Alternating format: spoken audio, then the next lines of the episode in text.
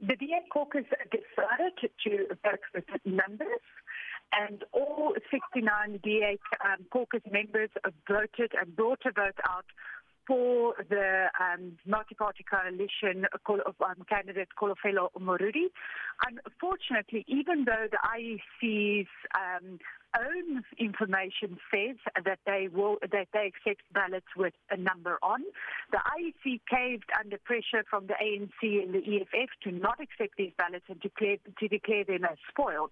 Where in matter of fact these ballots were not spoiled because they had a clear intention of who the vote was supposed to go to, which was Kolofelo Morudi. Unfortunately, earlier on in the day, the ANC and the EFF um, set the scene with violence where the, um, the IEC officials themselves came under attack. So um, I believe there was a lot of pressure on the IEC at that point to declare these votes as spoiled. Right, a great explanation there of what subsequently unfolded. But in response to my question, uh, is that a confirmation that the DA councillors were given an instruction to actually vote uh, by writing those numbers 1 to 69 on the ballot paper? The DA caucus decided to um, to vote with numbers yes, and they brought out those numbers during the vote. So this obviously to keep those councillors um, in line. And uh, what would have happened? Uh, w- what was the decision of uh, what the the consequence would have been for those councillors who did not toe the line? There was no consequence for councillors who did not toe, toe the line, and there was no decision on that. The matter of the fact is that two weeks ago, we were supposed to vote for Fulje Brink as our mayoral candidate. The coalition had 108 votes that were supposed to be casted, and in the end, only 101 votes was casted. The DA caucus wanted to make clear to our coalition partners that we are committed to the coalition and therefore ensure that all 69 of our votes do go to the right candidate. it. So um all the same though, you know, uh, this was meant to make sure that everybody will toe the party line, which many have called the DA out as being disingenuous for, um you know, uh, citing parallels between what has happened previously with the African National Congress for example in parliament uh where people were told that they should vote with their conscience and uh, not necessarily follow the party line.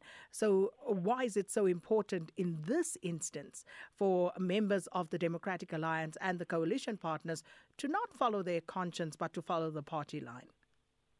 So we have to distinguish between a councillor that votes with their conscience and a councillor that is possibly colluding with um, other parties and with other members. The IEC Electoral Act themselves is quite clear that no colluding is um, allowed, and nobody is allowed to um, to get get anything in trade for their vote or um, or negotiate their vote.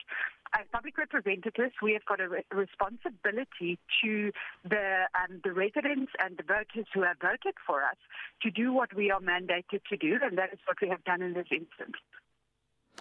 So, Moving from that point, um, you have now made a decision uh, with regard to uh, the challenge to the IEC decision. So, where exactly are you at in that process and what will it entail moving forward?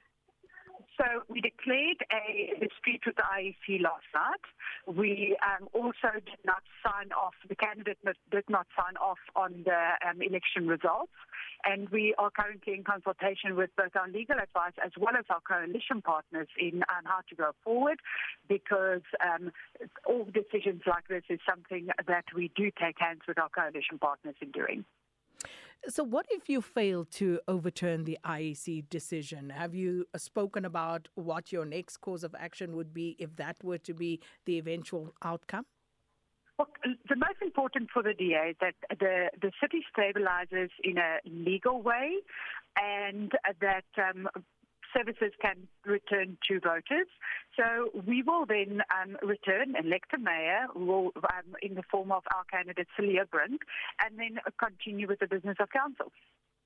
And what if you don't get that particular outcome? What then? What happens then? As long as the result is legal and the candidate is fit for office, the DA um, will side ourselves with a legal outcome. We'll park it there for the time being. DA Caucus chairperson within the City of Tuane, Councillor Jackie Ace.